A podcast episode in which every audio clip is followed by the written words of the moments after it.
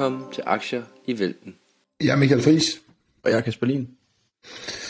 En uge på aktiemarkedet præget af de her frygtelige begivenheder, skal vi vel kalde det krig i Ukraine. Øh, aktier faldt kraftigt, man har rettet sig lidt igen, men, men vi skal jo til det og have kåret ugens øh, vinder og taber.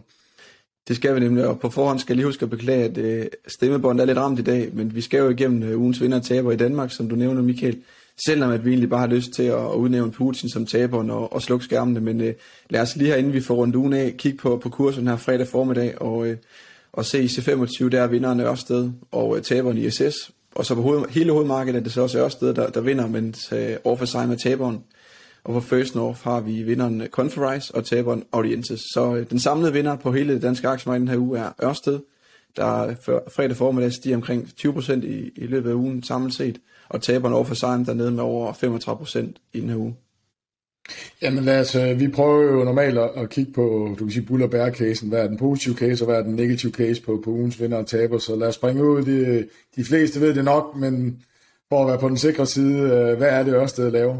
Jamen Ørsted er jo kendt for det gamle, det her Dong Energy, som har omstillet sin forretningsmodel fra fossile brændstoffer til grøn energi, og er nu øh, blandt øh, de førende energivirksomheder i Danmark og i hele verden, selvfølgelig også inden for, for bæredygtighed. Øhm, og, og selskabet udvikler lige nu og opfører og driver de her hav- og landvindmølleparker, bioenergi, solceller og energilavningsanlæg, og kigger ind i en masse nye områder inden for, for grøn energi. Og sådan bare lige for perspektiv, øh, nu sagde jeg verden, altså de har en, en driftsindtjening EBITDA på 24 milliarder kroner i 2021, så det er altså et kæmpe, kæmpe stort selskab, som, øh, som staten også ejer 50 procent af i, i Danmark. Men øh, lige kort sådan, hvad, vi skal lige huske at disclaimer, når jeg snakker også, at jeg, jeg selv ejer aktien. Øh, Øh, jeg købte den her for nyligt, øh, så det skal man lige huske at have med. Men ellers så er der jo rigtig mange analytikere, som er, er mere inde i det end jeg, som øh, over en længere periode har kørt øh, estimaterne godt ned, og aktien jo er faldet over 50 procent øh, siden øh, aktien inden for den grønne sektor toppede i, øh, i starten af januar øh, 2021, hvor at øh, Biden var valgt ind, og der var rigtig meget fokus på det grønne aktier.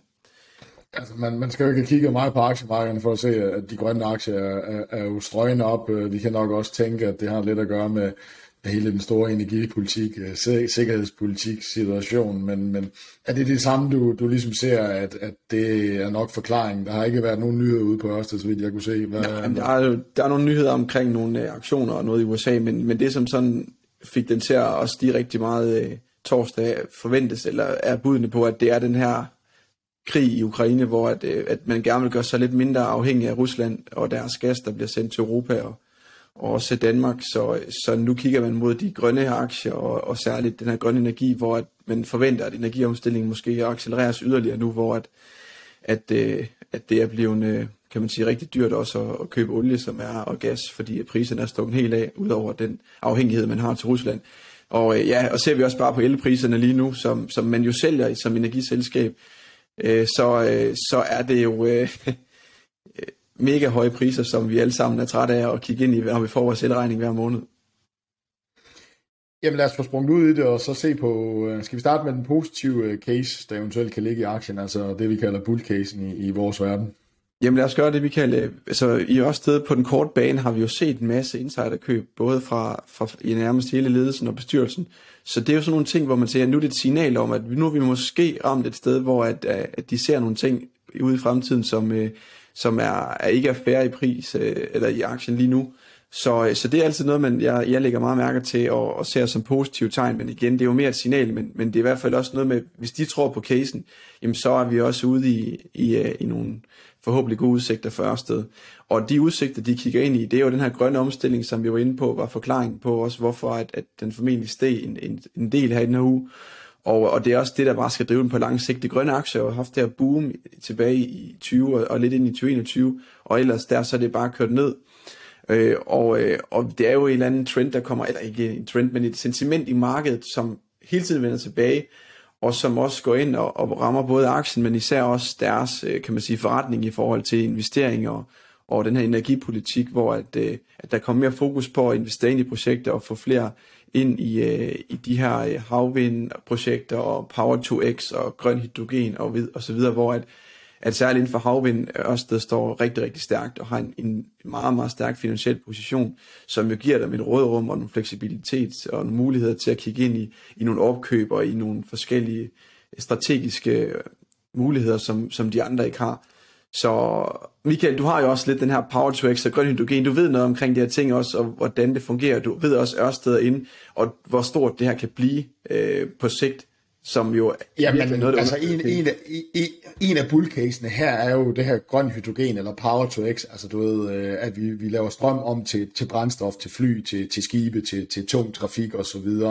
Øh, Danmark ser ud til at godt være et forgangsland, og det Danmark var jo forgangsland på havvind, første to Leap of Faith, mens det stadigvæk var meget, meget, meget dyrt, støttet af den danske stat, og et godt, dermed et godt miljø for at gøre de her ting. Og det betyder jo, at hvis nu tager Ørsted Leap of Faith igen, som jeg kalder det inden for det her øh, Power to X, eller, eller Green Hydrogen, eller grøn hydrogen, som, som, som vi laver via vindmøllestrøm. Men hvis vi har et godt miljø at bygge det her op, så kan Ørsted jo måske få den her øh, forspring igen, de fik i havvind, og som de stadigvæk nyder, nyder godt af.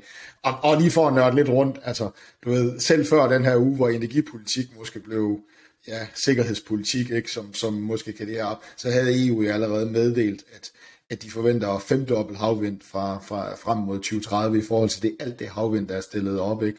Bloomberg var ude i den her uge med deres BNF-rapport, mener jeg, eller så var det sidste uge, og, og der er nogle blue sky scenarier omkring 40 dobling af havvind frem mod 2040. Det er lange, lange tidshorisonter, men, men de har enorme markedspotentialer. Ikke? Det betyder jo, at der også skal ikke have ret meget af, af det her, øh, for at der skabes, kan skabes en enorm værdi. Så, så, så, så, så, så selv før den her uge, så var der mulighederne derude, men, men, men du kan sige, det her lille ekstra krydderi med, at, at, at, at energi måske også kan blive sikkerhedspolitik, jamen det er jo klart, at det har fået investoren til måske mere på den korte bane at købe ind i det lange perspektiv. Ja, lige præcis. Mange, mange kender nok egentlig godt den her bull case. Nu har vi sat et tal på den og, perspektiveret den lidt, men, men, men lad os også prøve at kigge på bear case.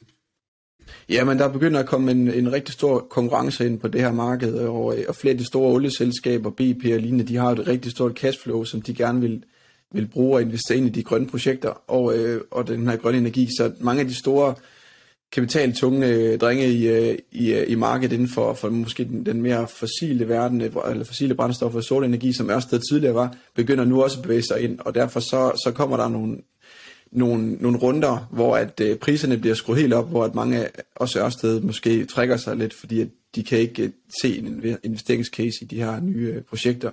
Så det er jo noget af det, som giver en udfordring også for deres videre vækst.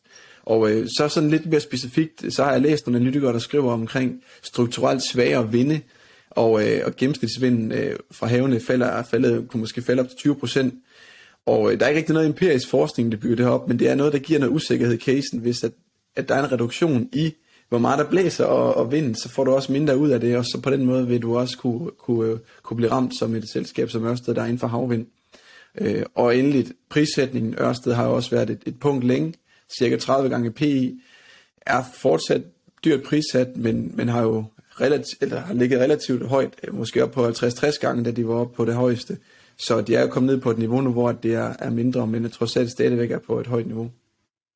Ja, jeg tror, det er noget af det, som, som investorer skal vende sig til, sådan en som Ørsted-aktien, at, at prissætningen er høj, og ja. det egentlig ikke ændrer sig på den korte bane, fordi at det kommer sådan meget i stepvis. Det kommer med den næste runde af projekter, de er i gang med at opføre, som er sådan 2025, øh, sådan cirka, når man ser, at, at indtjeningen kommer op af, og der i mellemtiden er, den, er den jo lidt dyr, ikke? Og, og, og den er jo rentefølsom på to punkter, ikke? både på sin prissætning og på, hvad er afkastkravene til sådan nogle ja. energiprojekter. Ja, så kvalitet, der, det koster bare. Ja, kvalitet, det kvalitet, koster det koster. Det, ja. det, og det er jo nogle gange, så er det ikke lige markedets uh, trend og så videre.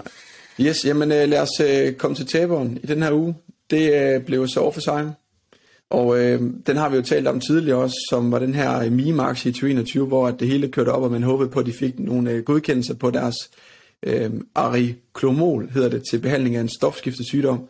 Men øh, amerikanske FDA fik jo, ja, den, øh, hvad kan man sige, drømmen brast for, for selskabet, der, der var dårlige data, og man har så prøvet at kæmpe for at komme ind øh, i den europæiske modpart, øh, de europæiske medicinalmyndigheder, men, øh, men har også fået negativ svar i den her uge fra dem, omkring at arbejde videre med det her. Så, øh, så lige nu øh, har aktien jo så øh, faldet de her omkring 35% den her uge, og det ser virkelig skidt ud for dem også, hvis vi kigger sidste øh, år, var kursen op i de her 100, måske også var for højt, men, øh, men nu er de altså under kurs 10, og man hører nogle analyser, som vil have den endnu længere ned, og, og man er måske i tvivl egentlig, hvad der er tilbage også med de øh, pengekast, der begynder at brænde ud, og vi har jo været igennem casen tidligere der i forbindelse med årsskiftet, så vi vil ikke gå dybere med den, fordi vi, som, vi plejer at finde en ny case, vi snakker igennem. Og øh, anden nederst på listen var så SAS, som vi havde i sidste uge, og, og der var vores syn, eller i hvert fald dit syn, Michael, jo også øh, ret negativt på dem. De stod i en skidt situation med rigtig meget gæld, øh, og, øh, og øh, var tynget af det, og i den her uge er de så også nederst på listen, anden nederst på listen. Så hvis vi nu bevæger os lidt længere op, så ender vi op ved Audientes, øh, som også er i bunden, og, og en af de her taber på First North i den her uge. Så jeg synes, vi skal løbe igennem den, og der skal vi huske at sige, at det er også et af de selskaber, vi har en, øh, en samarbejdsaftale med, så det skal man lige huske at have med. Øh, og ellers, øh, ja, vil du fortælle lidt kort om, omkring Audientes, Michael? Jamen altså, de laver jo et, det, der hedder et prisbilligt ud af boksen høreapparat. Øh, det vil sige, at, at til, til, øh, til det her OTC-marked, som er et over-the-counter-marked, eller hvis vi sådan skal sammenligne det med ord, så svarer det lidt til, som vi sælger briller. Altså, du ved, øh, at, at, at, at, at en optiker kan også sælge et høreapparat. Altså, du kan gå ned i Elgiganten, og så kan du få et høreapparat. For eksempel, at man kan selv på man kan selv unboxe det, altså pille ud af boksen. Man kan selv indstille det, man behøver ikke en audiolog, som man, man jo gør med den nuværende, kan man ligesom sige, høreapparat. Og hvad er det her? Jamen, altså, der er omkring 500 millioner mennesker i verden med høretab, forventes at vokse til 900 millioner, og en meget, meget lille andel af disse er egentlig behandlet. Øh, noget på grund af stigma, men ofte faktisk på grund af prissætningen, der er på, på almindelige høreapparater. Det er simpelthen ikke muligt for den her gruppe. Så det er jo det her, man prøver at target både man starter med, med, med Indien, øh, men, men selvfølgelig også noget af det, som har brevet aktien, øh, eller, du ved, er jo, at der nu er en åbning på det amerikanske marked, for det her OTC-marked, altså de amerikanske myndigheder og sundhedsmyndigheder er blevet bedt om at lave regulativer, der igen kan åbne, eller der kan åbne op for det her OTC-marked. Og USA, det amerikanske marked er jo verdens største høreapparatsmarked, så der er selvfølgelig nogle, øh, nogle meget, meget store markedsmuligheder, som jo også er det, der primært har, har, har præget øh, aktien op og ned, øh, du ved, det er, når der kommer nyheder ud fra det amerikanske marked. Og og det er jo et early stage selskab, så vidt jeg kan se, så rapporterne, der er jo ikke, der er jo ikke rapporteret noget omsætning endnu. Øhm, så altså, det er selvfølgelig også nogle risikoting, der man skal have med i, i, sin, øh, i sin tilgang til det. Men, øh, men lad os kaste os ud i bullcasen, Michael. Ja, altså du ved, hvis vi også ligesom skulle tage oversagen, der er ikke rigtig nogen. Altså du ved, den stiger og falder meget med, med et illikvidt marked, du ved, er der lige noget nyhedsstrøm og, og så videre. Men, men, men, men, men bullcasen, jamen det er det her u, øh, enorme uopdyrkede marked for, for UTC øh, og de her mere prisbillige høreapparater. Man har nu fået en teknologi, som egentlig muliggør øh, et relativt prisbilligt høre, øh, høreapparat, som egentlig har meget, meget tæt på mange af funktionerne, som, som, som de dyre høreapparater har. Man har fået en teknologi, hvor man ligesom selv kan indstille det via sin mobiltelefon. Så, så mange af de her teknologier begynder nu at spille ind til, at man faktisk kommer tæt, øh, kan komme relativt tæt på et, et, et high-end høreapparat, som man ligesom skal sige nede i, i, i, i det her.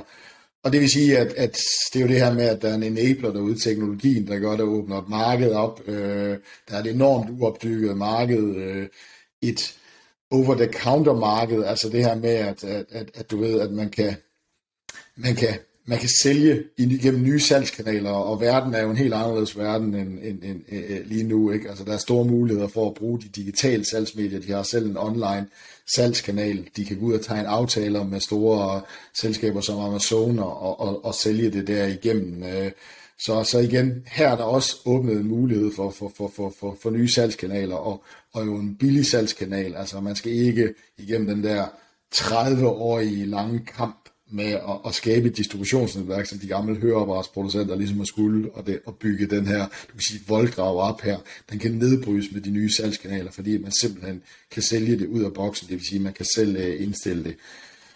Og en del af bullcasen er her også, at, at, at at det er et niche, at man, man bliver eventuelt en nichespiller. Man har jo nogle skræmmende store konkurrenter i, i, de danske hørebaratsproducenter, men der er den her, hvis man er en disruptor, hvornår vil de her store spillere egentlig gå ind og gøre noget ved, ved det her marked, fordi det, der sker på det her marked, det er, at det er meget lavere prissat, og sandsynligvis med meget lavere marginer, og frygten for dem kan være ved at gå ind i det her marked, øh, og dermed gøre noget, øh, at, at deres marginer generelt rykker ned også på deres high-end høreapparater. Så der er en mulighed for det her, som vi kalder room to breathe. Tesla er måske det bedste eksempel på nogen, der kalder det her room to breathe. Så længe du ikke stjæler for meget af de store, så får du lov til at også kunne vokse som et, et lille selskab. Ikke? At Tesla så vokser så så stort, det er ikke lige det, vi sidder og snakker om her på, Pauli Audiences.